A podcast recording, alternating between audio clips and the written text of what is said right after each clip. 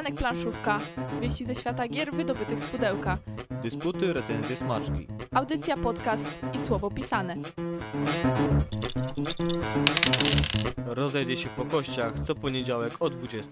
Ale nas dzisiaj cudowna audycja czeka, wiecie? Aż rykowisko przed audycją było. No, tak wszyscy odchrząknęliśmy równo. Zawodowo. Cieszymy się, że nie wszystko słyszycie tutaj. To będzie o Red Seven audycja, nie? Tak blisko. Ale blisko. faktycznie. A nawet się ten- ubrałeś pod kolor na czerwono, widzę. No myślałem, że to dziś. Mateusz się cofnął całkiem w Ale jak czasie. sentymentalnie od razu się zrobiło, nie? Flashbacki. Początki. To już jest ten wiek. Ciekawi jesteśmy, czy by- byliście z nami, jak my robiliśmy audycję o Red Seven. Jak byliście, to ogólnie szacun. Że... Kiedyś to było. A teraz już nie jest. A teraz jest tylko 7 Tego nawet odsłuchać chyba nie idzie. No Tego ty? odcinka nie mamy. Na YouTubie nie mamy? A, a, to jeszcze na fali było. Z tego Dobrze, co kojarzę, to tak. trzeba Z tego co kojarzę na fali. Znaczy to jest w, w czeluściach gdzieś na pewno internetu, więc można to zrobić. Jak ktoś to nagrał, to ma materiał deluxe. Jakbyśmy wydawali, wiecie, jakiś super pakiet, to to by było w takim pakiecie premium. Po prostu jak nie robić na przykład czegoś. Nie, dobra, może nie było tak źle, już nie będziemy sobie tak cisnąć. Dzisiaj 7 cudów y, na audycji, chociaż w studio siedzą tylko 3. Ja wiem, co wy sobie myślicie, że wszyscy już grali w y, 7 cudów i w ogóle co my teraz wyskakujemy. Ale my wierzymy, że do nas przychodzą również osoby, które dopiero zaczynają z planszówkami swoją styczność i zabawę i wszystkie te inne przygody, o których się zawsze mówi. Dlatego też e, chcemy też mieć coś w sieci na ten temat. Więc albo ostrzeżemy, albo pochwalimy. No właśnie, właśnie, chociaż tak patrząc, jak weszłam dzisiaj, oczywiście najbardziej popularny sklep się wyświetlił, jak wpisałam w Google 7 cudów świata, gratulujemy wypozycjonowania. No i tam są listy wszystkich recenzji na ten temat, to jest tego kilkadziesiąt. Także Czyżby ten sklep, który też jest wydawcą? no by było. No sami wiecie zresztą. Ale rebus, Rebus. rebus. Nie rebus, rebel. Fajnie, jak jesteście też w dobrych nastrojach. Czerwcowe audycje się zaczynają, to będą jedne z ostatnich, więc my zawsze też tak czujemy, oprócz tego, że skwar w studio, to, że sezon powoli dobiega końca, ale jeszcze cały miesiąc jesteśmy z wami, także fajnie, jak też zostaniecie. I chociaż gorąco jest, to Łukasz oczywiście będzie miał dla nas kilka newsów na dzisiaj. A oczywiście, ponieważ ciepło na dworzu, trzeba zmienić trochę swój ubiór. Czas na jakieś modne ciuszki. No ściągnij ten golf w końcu. No ja w golfach zawsze. E, I w czepkach, tak? Do pływania. W sieci pojawił się pierwszy spot reklamowy nowej edycji gry Preta Porte, więc akurat nam się wpisało w modowy klimat. Gra nie jest nowa, nie wiem czy wiecie, ale jej pierwsza edycja ukazała się w 2010 roku i jako ciekawostkę warto wspomnieć, że jej wydanie było finansowane m.in. ze środków Narodowego Banku Polskiego. Od kilku lat ona jest praktycznie niedostępna, więc tak naprawdę nieco zapomniano o tej grze. Jednak od jakiegoś czasu jej autor, Ignacy Trzewiczek, wspominał, że rozważa ponowne wydanie tego tytułu i okazuje się, że możemy się tego spodziewać jeszcze w tym roku, a jak nie wydania, to przynajmniej kampanii kickstarterowej, gdyż ten tytuł gliwicki wydawca chciałby wydać właśnie z udziałem finansowania społecznościowego. A o czym jest sama gra? Nie trudno się domyślić, ale o to, co czytamy w opisie poprzedniego wydania. Każdy z graczy wciela się w rolę właściciela firmy z branży odzieżowej. Jego celem jest zdobycie jak największego majątku. Gracze zatrudniają pracowników, poszerzają infrastrukturę oraz szyją kolekcje odzieży, które wystawiają na pokazach mody w największych miastach całego świata. I po upływie 12 rund, które y, symbolizują nam upływ roku, gracze sprawdzają, który z nich zdobył jak największy majątek i tym samym zwyciężył grę. Może pamiętacie relację z Portalkonu, kiedy to Ignacy Trzewiczek sam powiedział, dlaczego to będzie finansowane społecznościowo, tak jak to Łukasz ładnie powiedział, w każdym razie buy Kickstarter, czy wspieram to, bo w takim normalnym nakładzie, tradycyjnym prawdopodobnie pan Trzewiczek myślał, że to się nie sprzeda. Dlatego warto zainwestować i mieć z pierwszej ręki, bo potem wiadomo jak tak gra second hand, to, to już zmienia się trochę klimat gry. No właśnie, ciekawe czy trafi do Lumpeksów. Do Nie, ale atletów, no. ciekawe czy jakby wyszła we współpracy z jakąś konkretną marką odzieżową. Ale tu taki cross-branding byś zrobił. Trzy paski, tak? Wzdłuż. Mogłaby wyjść jakaś afera, że wyprodukowano w Chinach przez jakieś małe rączki. No właśnie, za miskę ryżu, to wiesz, to są znowu niebezpieczne rzeczy. Dzisiaj montowałam audycję Ale ryż jest zdrowy, co wy chcecie od ryżu? A gdzie się większość gier drukuje? To jest blisko niebezpiecznych tematów. Dzisiaj y, zeszłą tygodniową audycję montowałam i tam też było o tych napinkach światopoglądowych. My nie idźmy w tą stronę Skoro na pinkach światopoglądowych, dzisiaj Światowy Dzień Roweru. roweru. Tak. E, Święto ustanowione przez e, ONZ, Tak. bodajże w zeszłym roku. Tak, także mamy swoje święto. Ale nie jest dzień wolny, więc Trzeba to zmienić. Jeżeli dzień wolny, to przynajmniej by można było więcej pograć i to byłyby podwójne korzyści. A siedem cudów można wziąć na rower i gdzieś tam w Mhm. las wyjechać sobie nad jeziorko. Jakie to wszystko piękne. A skoro jeziorko, lasy, to słowiańskie klimaty. Przez długi czas narzekaliśmy na brak gier osadzonych w słowiańskich klimatach, ale powoli ta luka wydawnicza zaczyna się wypełniać. Jest bowiem szansa, że oprócz gier typu Stoleme czy Stworze, na stałych graczy trafi nowy tytuł osadzony w tej mitologii. Na Wspieram to. Wystartowała kampania mająca na celu fundowanie gry Zerywia. Zerywia to przygodowa gra kooperacyjna, osadzona w, w pierwotnym świecie słowiańskich mitów. Posiada tryb kampanii zbudowanej z pojedynczych, powiązanych fabularnie przygód, z których każdą można rozegrać od jednej do czterech osób. Charakter przygód pozwala także na rozgrywanie ich osobno jako pojedynczych epizodów. Daje zatem to, zatem to graczom możliwość przeżywania danej historii na kilka sposobów oraz poprowadzenia swojego bohatera różnymi ścieżkami losu. Wczoraj sprawdzałem, naprawdę niewiele brakowało do ufundowania, więc kto wie, czy już dzisiaj jakby wygooglać e, gra nie jest czasem ufundowana, a jak nie, to pewnie się ufunduje, bo taki duży skok na samym początku kampanii bardzo dobrze jej wróży. Zatem widać, słowiańskie klimaty odżywiają, może jeszcze jakiś pagan folk wejdzie. Kiedyś był soundtrack do e, jaskini dodany, to może jakiś wydawca by się pokusił na jakieś takie folkowe klimaty, żywiołak soundtrack do gry. leśne licho. Zawsze tego słuchamy, jak gramy w Slawika, jeśli nam się zdarzy. Chociaż teraz to wszystko się robi tak komercyjne, że do gry pewnie może soundtrack robi Kleo, nie? Wiecie, my Słowianie. A widziałem w tej grze, którą musi fundować właśnie taką fajną figurkę Światowita. Światowit czterech, taka postać, Mhm. Bóg słowiański Tak, tak, tak, czterech tak. twarzach. Od razu, czy jako jakiś tam stretch goal? No, widziałem, dalszy? że od, od razu jako komplet. O. Jako stretch goal to były figurki, z tego co pamiętam. A ty mówiłeś ostatnio, że ludzie już nie wierzą w światowita, tylko w światłowoda. A, informatycy. Wiesz, jak Pokemony to ewoluły. Z, słowiańskich klimatów jest bardzo fajny audiobook na audiotece, takie słuchowisko osadzone w mitologii słowiańskiej, bardzo polecam. Ale skoro już tyle od crowdfundingu wspomniałem, już 10 czerwca rusza kampania kolejnej gry, tym razem dwuosobowej i zdecydowanie niekooperacyjnej, takiej gry od Phalanx Games. I tą grą będzie Europa Divided, także 10 czerwca zachęcam, Kickstarter, warto zajrzeć. Oczywiście nie tylko Kickstarterem żyje człowiek, niedługo kampanię kolejnych gier. Narabi, czyli niepozorna gra karciana o prostych zasadach, w której wspólnie próbujemy ułożyć karty kamieni, wykonując przy tym jak najmniej ruchów. E, 11 czerwca Blackout Hongkong, która w Polsce ukaże się nakładem wydawnictwa Lacerta. Tak mówiąc, wskazałem w stronę pudełka, bo... To wszyscy to widzieli na pewno. Właśnie dlatego się tłumaczę ze swoich e, ruchów. Może ktoś usłyszał, że takim szybkim ruchem wskazałem. Dziękujemy Lacercie. Przed chwilą, do, dosłownie przed chwilą do nas dotarło. Także kto wie, czy u nas w studiu nie wyłączą prądu? Tak, dostaliśmy też koszulki, może troszkę inne, nie, nie dotyczące blackoutu, ale Jak niestety wszystko wybuchnie, to aktualnie nie jesteśmy w stanie ich ubrać, bo wręcz ściągamy z siebie odzienie w tym studiu teraz, dlatego następnym razem, dobra? Z kolei Magiczny Rytuał to nowy komiks paragrafowy w ofercie wydawnictwa Fox Games. O czym jest ta odsłona paragrafówek? Zakazana magia ma swoją cenę. Utrata przyjaciół, rodziny, spokoju, moralności. Kapryśny książę demonów ma teraz nad tobą władzę. Może jednak dla ciebie jakaś, jest jakaś szansa, a twoja dusza nie do końca zostanie zepsuta? To jak pokierujesz swoim przeznaczeniem zależy tylko od ciebie, bo tutaj ty jesteś bohaterem, ty wybierasz, którymi ścieżkami on podąża. I co ciekawe, mamy tutaj nie tylko grę paragrafową, ale mamy także mangę, czyli manga paragrafowa, coś dla e, wielbicieli różnych klimatów. Także Fox Games trafia naprawdę już szerokie spektrum odbiorców z tymi komiksami paragrafowymi.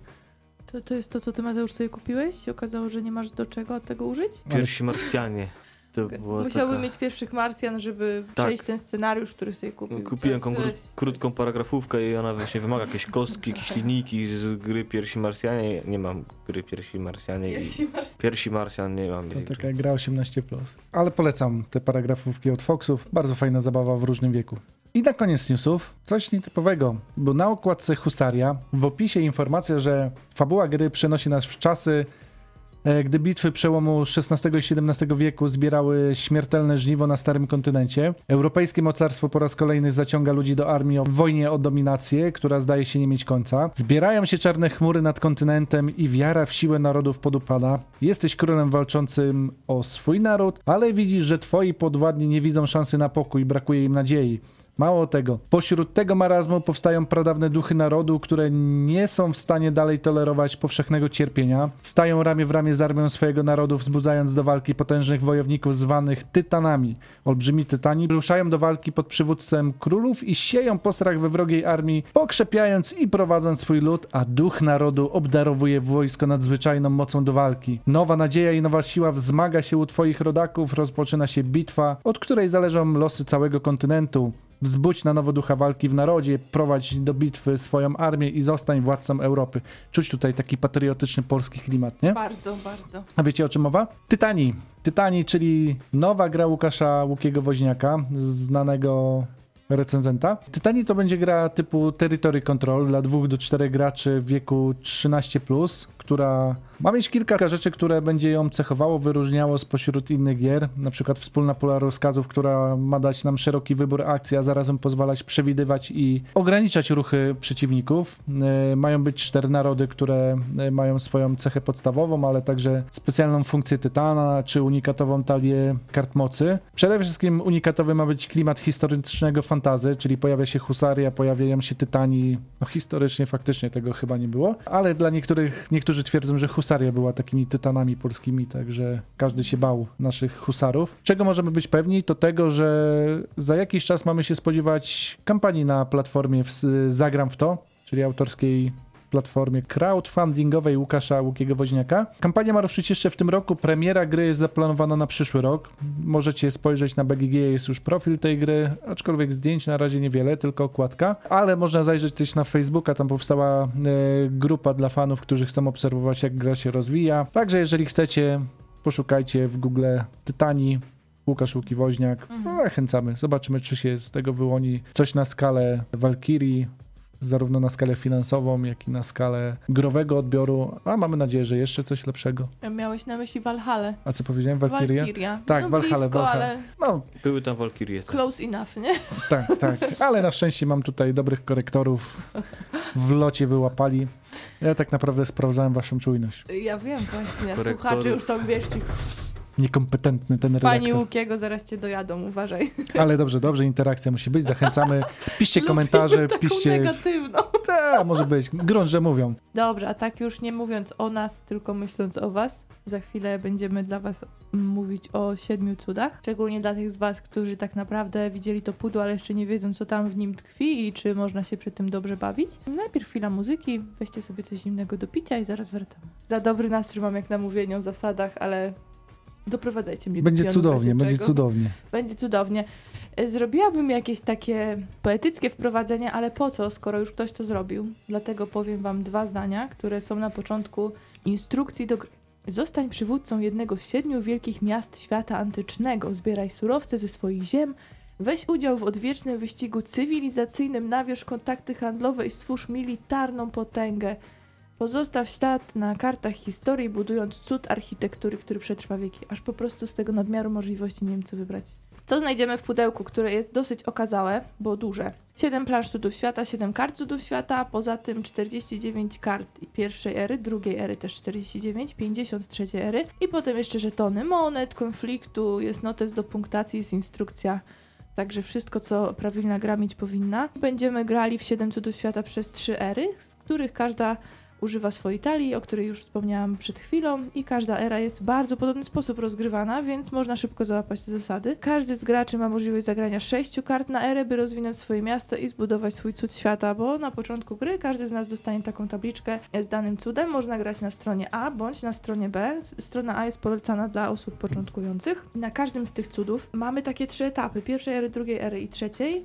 I jeżeli tam złożymy jedną z kart, to budujemy cud. Oczywiście trzeba spełnić warunki, żeby ten cud był wybudowany i potem dostaje się za to profity. Profity też dostaje się za wiele innych rzeczy, o których powiem Wam za chwilę. Na koniec każdej ery gracze porównują wartości swojej potęgi militarnej z sąsiednimi miastami, czyli należącymi do gracza po lewej i po prawej stronie. I tych graczy e, może być właśnie trzech, po lewej i po prawej, ale może ich być aż siedmiu, a nawet w niektórych wariantach do ośmiu, o czym też powiemy. I na koniec trzeciej ery gracze liczą punkty zwycięstwa, ten z nich, który zbierze ich najwięcej, wygrywa grę.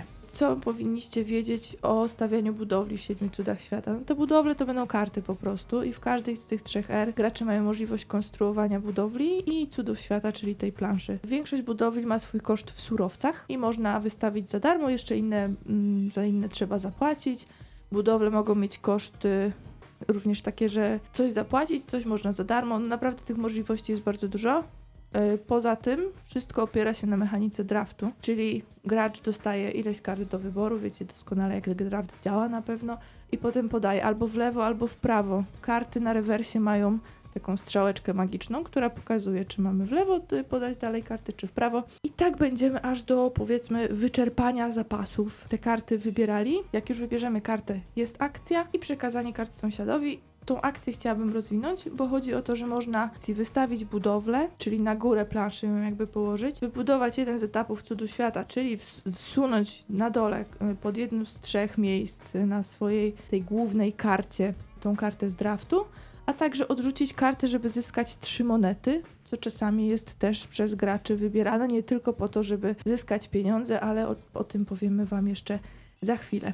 Z takich ważnych rzeczy odnośnie wystawiania budowli, to gracz nie może dwóch identycznych wystawić i to może mieć mm, znaczenie podczas tego, jak będziemy te karty sobie e, dobierać. Każda era się kończy po swojej szóstej turze i wtedy też na przykład rozpatrywane są konflikty zbrojne, bo one też będą brały udział w tym rozliczaniu końcowym. Bo o co chodzi z konfliktami? Różne mamy rodzaje kart. Mamy czerwone, które są kartami konfliktów. Mamy gildie, czyli karty fioletowe, one nam wchodzą dopiero e, w tej trzeciej erze. Mamy surowce, które są nam potrzebne w trakcie dobudowania kart. Mamy dobra, które są kartami szarymi, one są takie bardziej, mam wrażenie, wypasione. I mamy budowle cywilne, karty niebieskie, one będą nam dawały po prostu e, punkty zwycięstwa. Co jeszcze musicie wiedzieć, to karty żółte handlowe oraz karty zielone, czyli e, budowle naukowe. Z kart to by było wszystko.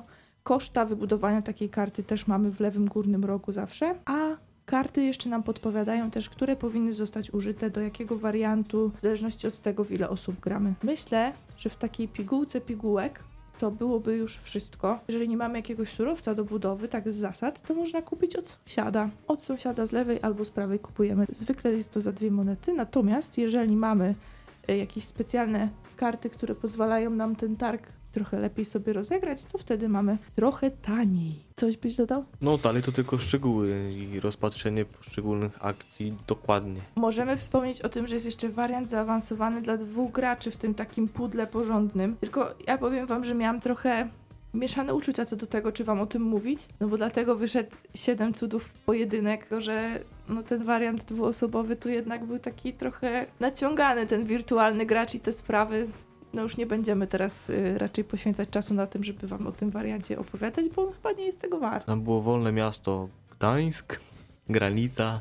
Generalnie chyba, z- jeżeli chodzi o skalowanie, to trzeba powiedzieć, że gra się nie do końca skaluje. Mhm. Wiesz, bo jak widzimy od 3 do 7 graczy, już czujesz, że chyba muszą być albo bardzo dobre te mechanizmy skalujące, albo gdzieś tam będzie coś nie halo. Siedem graczy, siedem cudów. Czy przede wszystkim jak widzisz do siedmiu graczy, to zastanawiasz się, ile będzie się w tą grę grało. Mhm. Czyli nastawiasz się albo na jakąś totalną imprezówkę, albo na jakiegoś takiego long story never ending, ale ten 2 do, 2 do 7 to faktycznie jest podejrzane i czasami niestety wydawcy trochę tego nadużywają, żeby zwiększyć target, jeżeli chodzi o dane pudło. Fajnie mieć grę, która pasuje na wszystkie kombinacje. Ta gra moim zdaniem na dwie osoby naprawdę słabiej chodzi. Jak coś jest dla wszystkich, to chyba jest dla nikogo, ale no znowu ten pojedynek na chwilę, o nim wspomnę.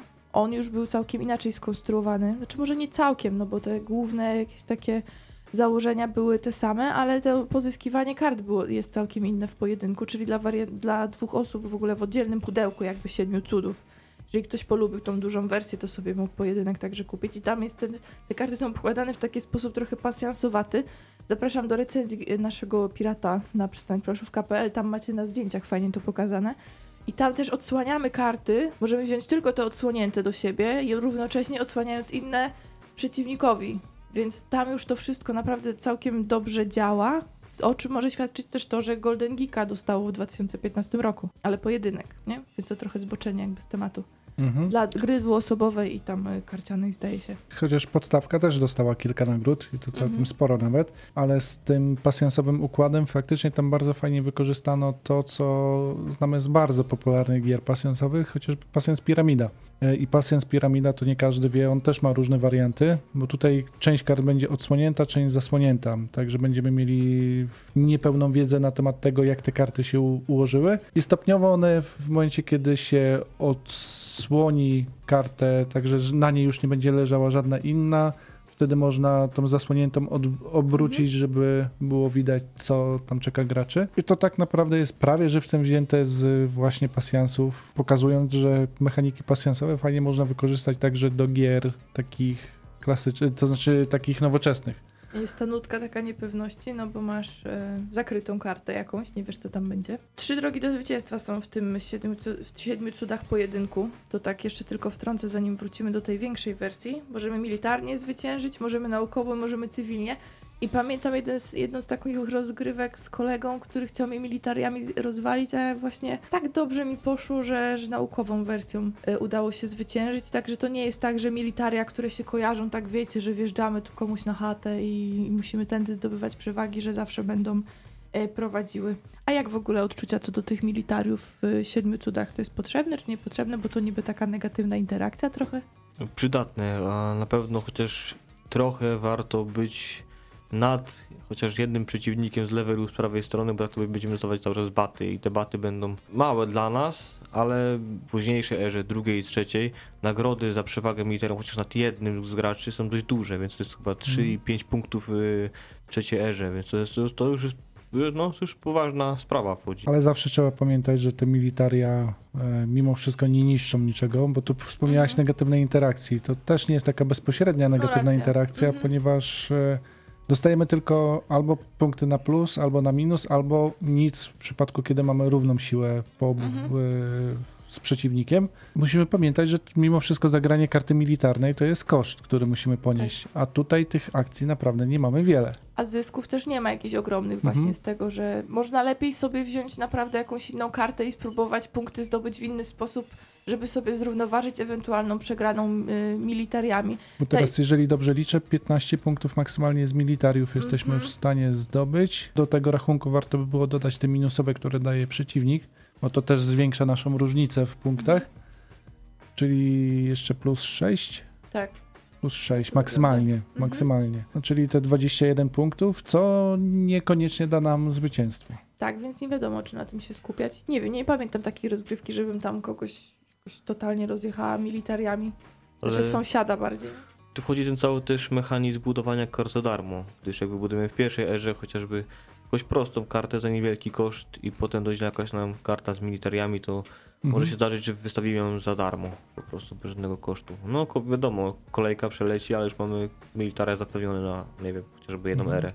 Chodzi o te To łańcuchy powiązań. O tej negatywnej interakcji, w cudzysłowie, nawiązując do tego i do tego czasu gry, bo tak w zasadzie na interakcji tam chyba dłużej nie ma, ale czas gry chyba nie jest bardzo zależny od tego, ile osób siedzi przy stole, bo tak naprawdę robimy wszystko równocześnie.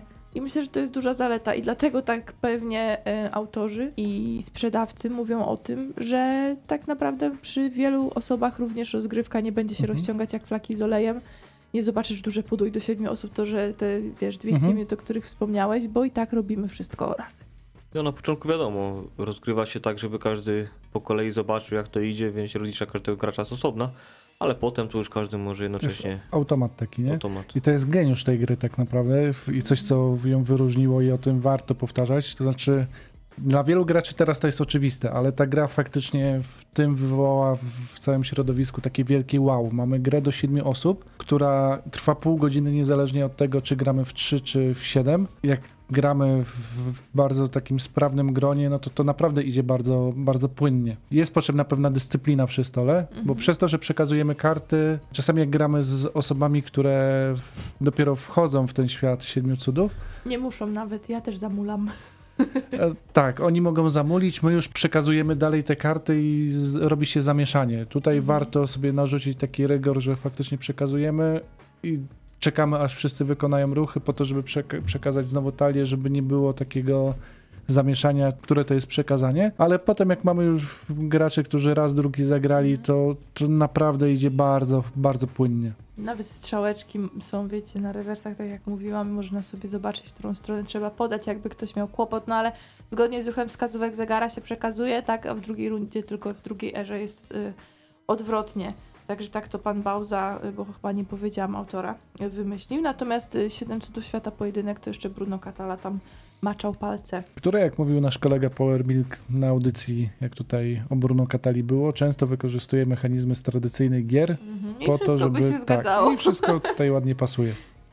Ja bym jeszcze wspomniała o tym handlu, bo to jest chyba jeden z ulubionych takich moich motywów w, w Siedmiu Cudach. W ogóle o Siedmiu Cudach jeszcze zaraz Wam opowiem anegdotek pełno. Że tu warto faktycznie zerkać trochę, co się u sąsiada dzieje, nawet nie po to, żeby mu coś popsuć, bo niedużo mu można popsuć, powiedzmy, poza jakimś tam e, zabraniem karty ewentualnie, tylko żeby nie brać bez sensu jakichś surowców na siłę sobie, żeby móc wybudować kolejny cud, skoro możemy tam za jakieś grosze to wziąć od sąsiada. Tak, ale trzeba mu zapłacić. Minimum dwie monety, chyba że mamy jakieś zniczki. To jedną Mhm. monetę, ale to darmo tak dobrze to chyba nie ma. No nie w tej podstawowej wersji na pewno, a w tych dodatkach zdaje się, że też nie. I możemy Ale- zakupić y, tyle, ile akurat produkuje sąsiad i możemy zdecydować, jeśli mamy to samo dobro dostępne po lewej, jak i po prawej stronie, to komu zapłacimy. A jak powiedzmy potrzebujemy, załóżmy, cztery cegły, sąsiad po lewej produkuje dwie, to możemy maksymalnie dwie kupić od niego, a kolejne dwie po prawej stronie, jak sąsiad po prawej produkuje, więc mamy te cztery cegły i możemy e, wypluć się z kasy, ale mieć powiedzmy zbudowany budynek. To może Mhm. też świetnie zapunktować, bo te niebieskie karty na przykład jak nam wchodzą, które dają punkty zwycięstwa, to już tam są ładne punktasy. W ogóle za dużo rzeczy tam są punkty tak naprawdę. Tracimy tylko za te militaria, zdaje się.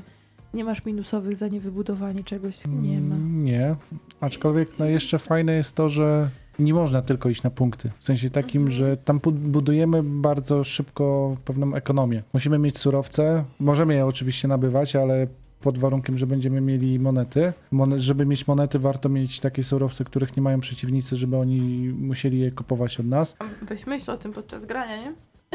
No i tutaj, tutaj tak naprawdę jest e, kolejny geniusz tej gry, bo można ją sobie grać na zasadzie takiej lekko imprezowej. Wchodzi mi ileś kart na rękę, patrzę co mi akurat pasuje do mojego miasta, królestwa, cokolwiek tam Cudu. cudu, tak. Ale dobrze, że patrzysz, bo mi się wydaje, że to jest już gdzieś na wyższym levelu, że nie każdy tak od razu dopasowuje sobie, że ma wziąć karty pod cud. Tak. No i znowu, te karty pod cud to jest kolejna decyzja, którą musimy podjąć w sensie takim, że albo kładziemy coś pod cud, albo kładziemy coś pod ekonomię swoją. Szczególnie w tych Mhm. pierwszych turach. A z kolei w ostatniej erze możemy nie chcieć, ponieważ coś innego da nam więcej punktów niż cud. Decyzja jest tutaj Mhm. co chwilę jakaś, ale możemy grać tak, że po prostu gramy bardzo taktycznie. Dochodzi nam coś na rękę, a to mi pasuje, wyłożę, zobaczę jak to na koniec gry będzie. A przy bardziej zaawansowanych graczach będą oni patrzyli mimo wszystko, co jest u przeciwnika i na przykład to, jaką kartę położą pod cud, będzie już uzależnione od tego, co przeciwnicy mają, patrząc w stronę, w którą jest przekazywana akurat karta. Dwa razy budowanie pod cud. Raz, że budujesz w sensie, żeby spełnić warunek budowania cudu, trzeba mieć pewne jakieś zasoby. Drugie, jak kładziesz pod cud, czyli pod naszą planszetkę. Wsuwasz Mhm. kartę, że zaznacza, że ten cud jest wybudowany i to jest karta w ciemno zagrana, rewersem do góry, zakryta i może to być karta, którą nasz przeciwnik może wykorzystać, a my ją specjalnie bierzemy i budujemy sobie cud pod spodem. Ale budowanie cudu nie jest wymagane w grze. Możemy nawet zwyciężyć bez budowania cudu, Mhm. chociaż cud dużo daje. Da- Daje różne bonusy, punkty zwycięstwa, kasę, no, różne, przeróżne Mhm. możliwości. Zależy co akurat mamy. I te cudy jeszcze mają swoje dwie strony. Tak, a i A i B. B. B jest trudniejsza.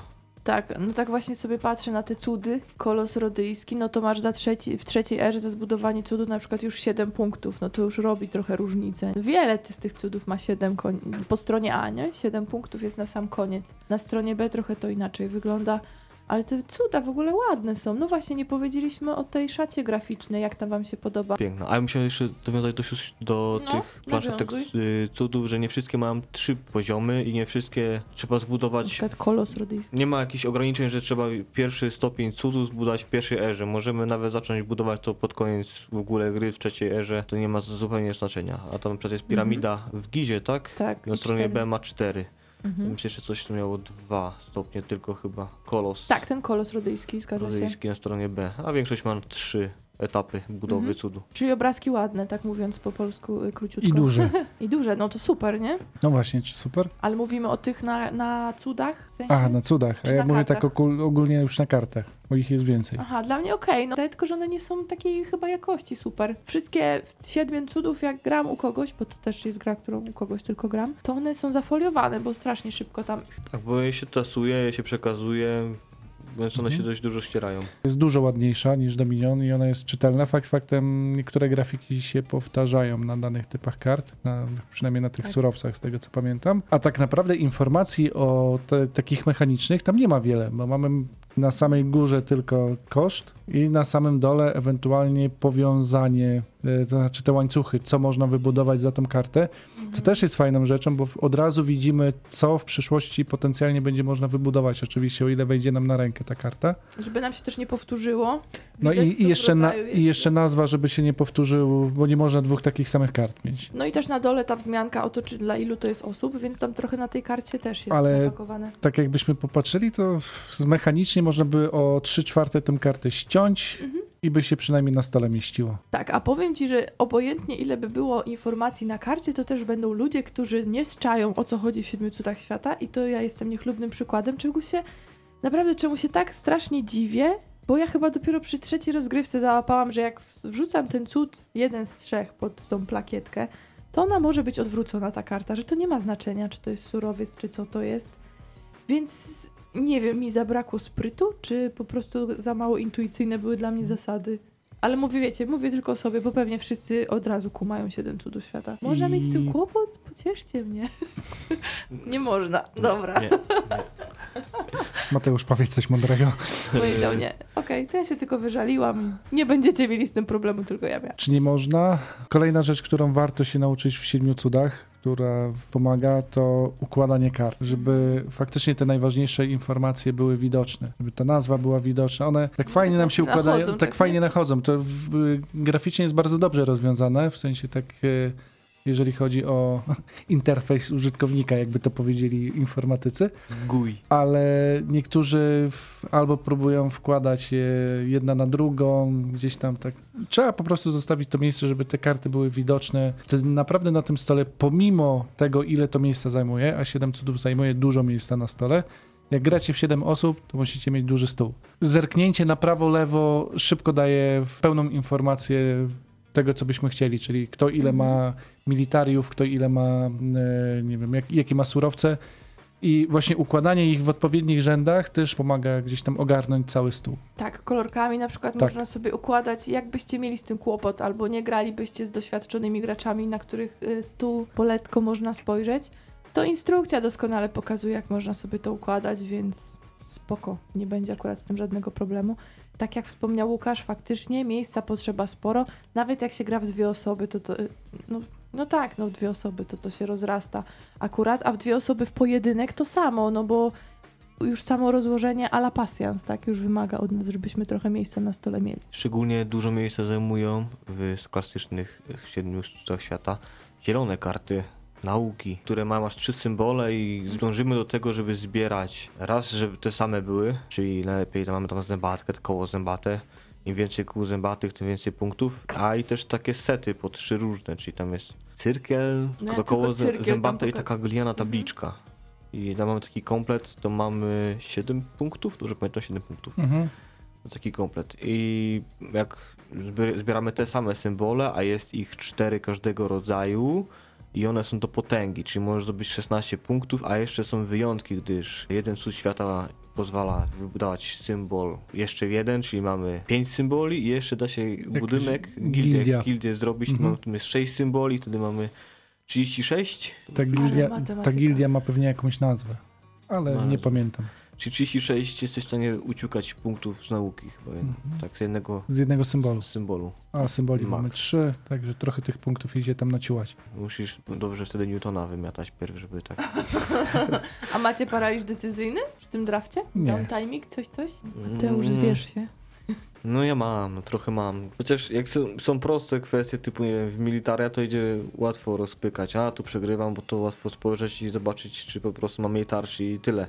Ale jeśli chodzi o takie kminienie jak zasoby, czy mi coś zabraknie, czy nie, czy będę pożyczyć, czy, czy jednak będę musiał coś wybudować i poświęcić turę, żeby sobie same, samemu te y, zasoby zapewnić, lub też wybudować jakąś, nie wiem, gildię, czy coś innego, to wymaga już większej rozkminki. Na niebieskie praktycznie nie patrzę karty, bo to są takie po prostu dają punkty o, i często te, gęsto może to ewoluować samo z siebie, trochę jak militaria. Tylko, że nie jest nieszkodliwie, po prostu wybudujesz jakiś posąg, potem możesz go rozbudować za darmo często gęsto, jeśli trafi się na rękę akurat. Mamy szczęście. To warto trzymać niebieskie po to, żeby mieć jakby darmowe punkty, jeśli dobrze wejdzie na rękę. Tak, taka moja strategia. No, tylko trzymać niebieskie, no to tak naprawdę trzymać już na planszetce, bo tak jak puścisz dalej, to ktoś może ci to zabrać i przy... musisz mieć naprawdę sporo szczęścia, żeby na przykład czaić się na dwie karty i że ona jeszcze raz, wiesz, że będziesz miał jeszcze możliwość do niej wrócić. Przy siedmiu graczach tak naprawdę to jest, zdaje się, niemożliwe, nie?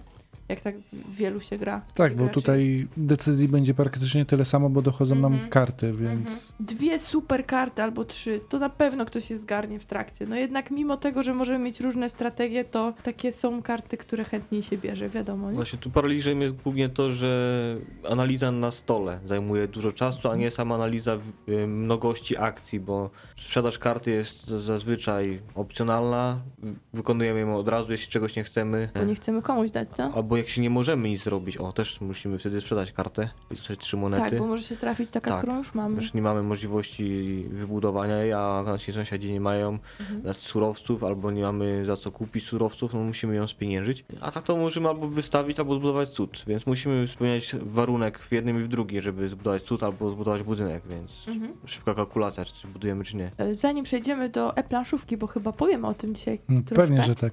To jeszcze tylko do tej wersji analogowej dodam, że jest 7 cudów miasta i tam do 8 graczy. Ośmiu. Tak, Ośmiu jest graczy. siedem cudów miasta, na pewno. Tam taka negatywna interakcja może trochę bardziej wchodzi, bo zdaje się, że jest jakiś motyw, że można komuś coś popsuć. Tak, są czarne karty, e, karty miast i czasami one mają takie działanie, jest e, pęknięta moneta taka. Mhm. E, I to oznacza, że gracze czasami po lewej, czasami po prawej, a czasami i ten, i ten muszą w momencie, kiedy wykładamy tę kartę, wystawić, e, zapłacić do banku określoną ilość pieniędzy. Jeżeli tego nie zrobią, to pobierają żeton długu i każdy taki żeton to są minusowe punkty na koniec gry. O, czyli coś tam się jednak dzieje. I są też liderzy, natomiast do siedmiu cudów świata pojedynku jest rozszerzenie Panteon. Także jak już regrywalność na tych Mhm. podstawkach wam nie będzie wystarczyć, a w aplikacji na przykład się nie bawicie, albo też już wam nie wystarczy, to można sobie nakupować tych dodatków, słuchajcie. Znaczy, I te miasta mają jeszcze jedną fajną rzecz, która przyznam, że mi przypadła bardzo do gustu. Żetony takich gołębi, to jest kolejna taka mechanika mała wprowadzona na kartach. e, Gołąb tak pokoju, czyli w momencie, kiedy mamy żeton, to jest żeton dyplomacji bodajże, tak to się w grze Mhm. nazywa, nie bierzemy udziału w rozpatrywaniu pojedynku, w sensie tej fazy, fazy walki, czyli stajemy się takim przezroczystym graczem, ponieważ jeżeli siedzieliśmy i tak jak teraz byśmy siedzieli tutaj przy stole, jeszcze czwarty gracz pomiędzy mną, to w momencie, kiedy, no właśnie, jak to wytłumaczyć, generalnie ja nie biorę udziału, czyli nie dostaję ani plusowych, ani minusowych punktów, w ogóle nie patrzę na militaria, a gracz, który powinien mnie atakować, atakuje kolejnego gracza Mhm. po mnie. Jesteś taki niewidzialnym, białym ptakiem, Tak. Który się nie miesza w takie rzeczy. Przyznam, że to jest fajne, ponieważ z jednej strony gdzieś unikamy walki, nie mamy zagrożenia tego minusowych punktów. Jeden żeton, jedna faza e, militarna, ale z drugiej strony ci gracze i tak dostają punkty, jeżeli wygrają z tym drugim graczem, więc tutaj trzeba sobie przeliczyć, na ile to faktycznie nam Mhm. się przyda. No i liderzy też są fajni. Czyli to nie jest tak, że dodatek na siłę zrobiony i bawcie się. To znaczy przynajmniej te dwa nie. E, Nie grałem w następne, bo tam jeszcze jest Babel bodajże. Ostatnio wyszła Armada, która ma podobno jeszcze Mhm. interakcje pomiędzy innymi graczami wprowadzać. Siedem cudów katan też, nie? A to tak, jakaś taka, ale to jest chyba tylko cud jeden taki. Tak.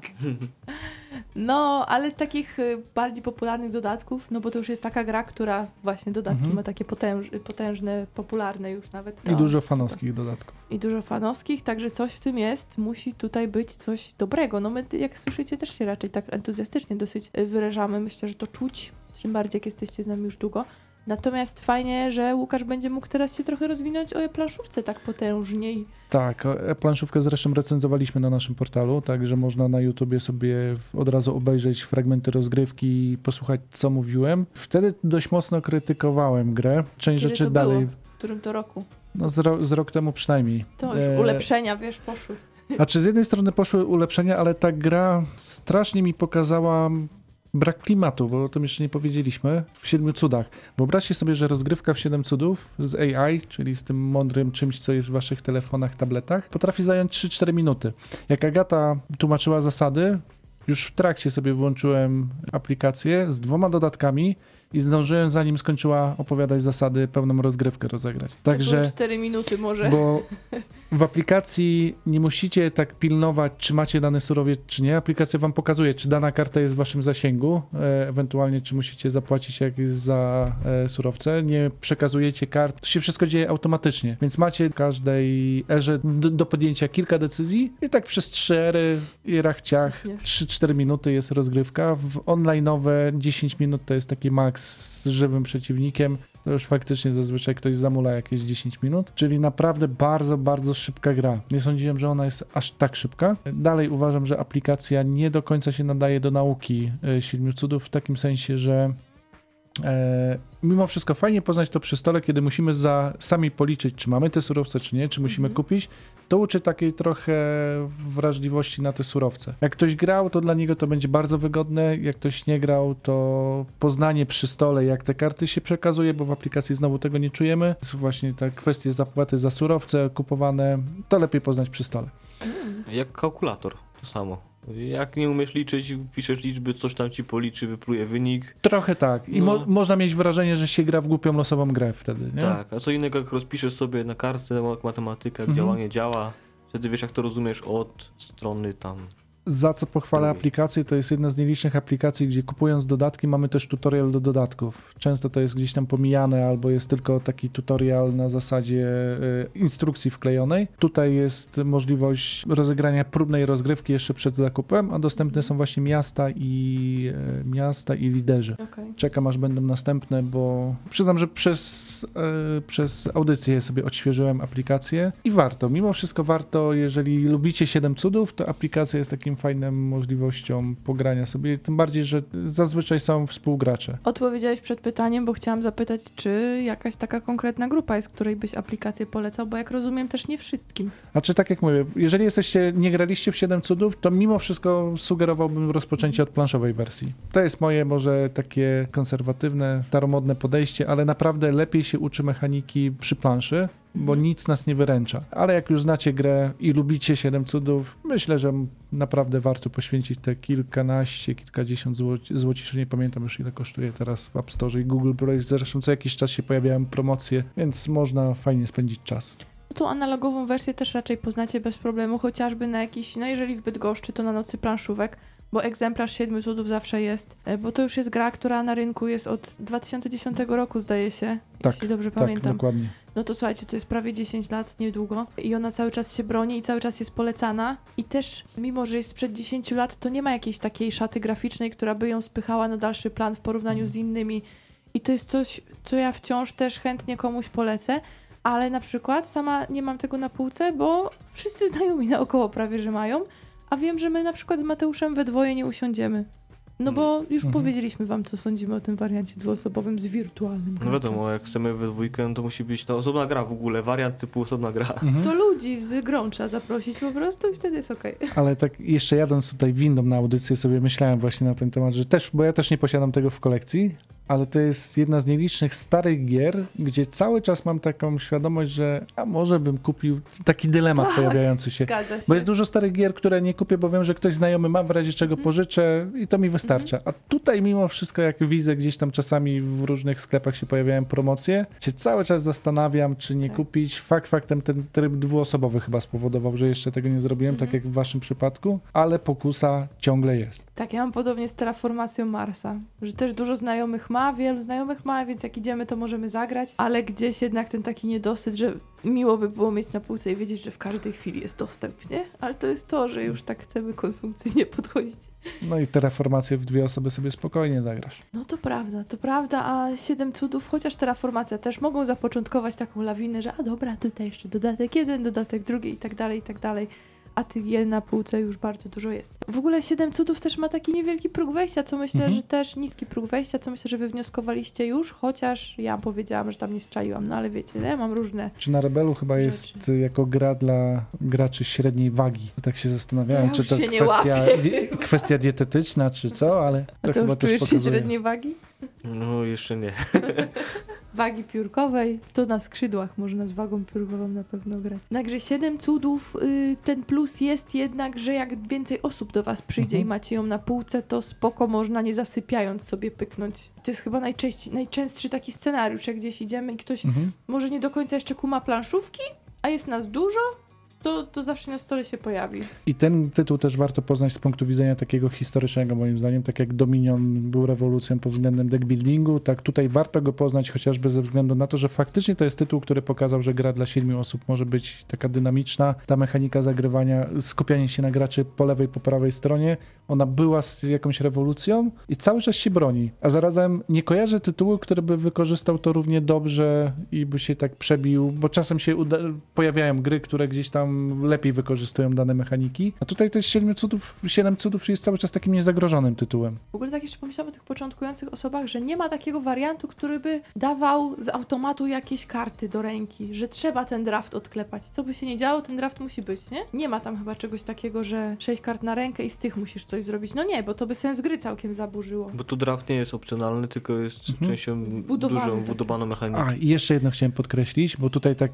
dywagacje prowadziliśmy na temat militarne, zielone, jakie karty. Tak naprawdę genialne w tej grze jest to, że można wygrać naprawdę na różne sposoby i zdarzało mi się wygrywać na militaria, gdzie mocno się skupiałem na militariach. Gra, gdzie wydawało mi się, że w zielone poszedłem, było super. Ktoś jednak mnie przyścignął na niebieskich. Czasem udawało się wygrać samemu na niebieskich. Jest tu kombinacji bardzo dużo. Tak, na zakończenie audycji powiem Wam w ramach ciekawostki, dla nas ciekawostki, może dla Was też się okaże, jak już jesteście z nami jakiś czas, że Siedem Cudów to jest jedna z niewielu gier, o których naprawdę wszyscy we troje możemy bardzo dużo powiedzieć, a nie graliśmy we troje razem w tą grę. Nigdy. Faktycznie.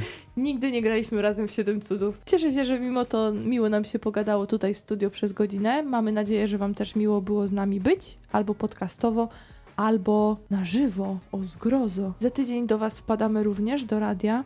Fajnie, jakbyście też się do nas podłączyli z jakimś chłodnym napojem, bo pewne upały będą dalej. I możliwe, że my będziemy już pod, podgrzewać trochę atmosferę e, jakimiś nowościami, a może sięgniemy jeszcze też do jednego klasyka. To tak wiecie. Podroczymy się trochę, porobimy tajemnic i słyszymy się za tydzień. Mówili dzisiaj dla Was Mateusz Browski. Łukasz tak? Agata Borowska. Do usłyszenia.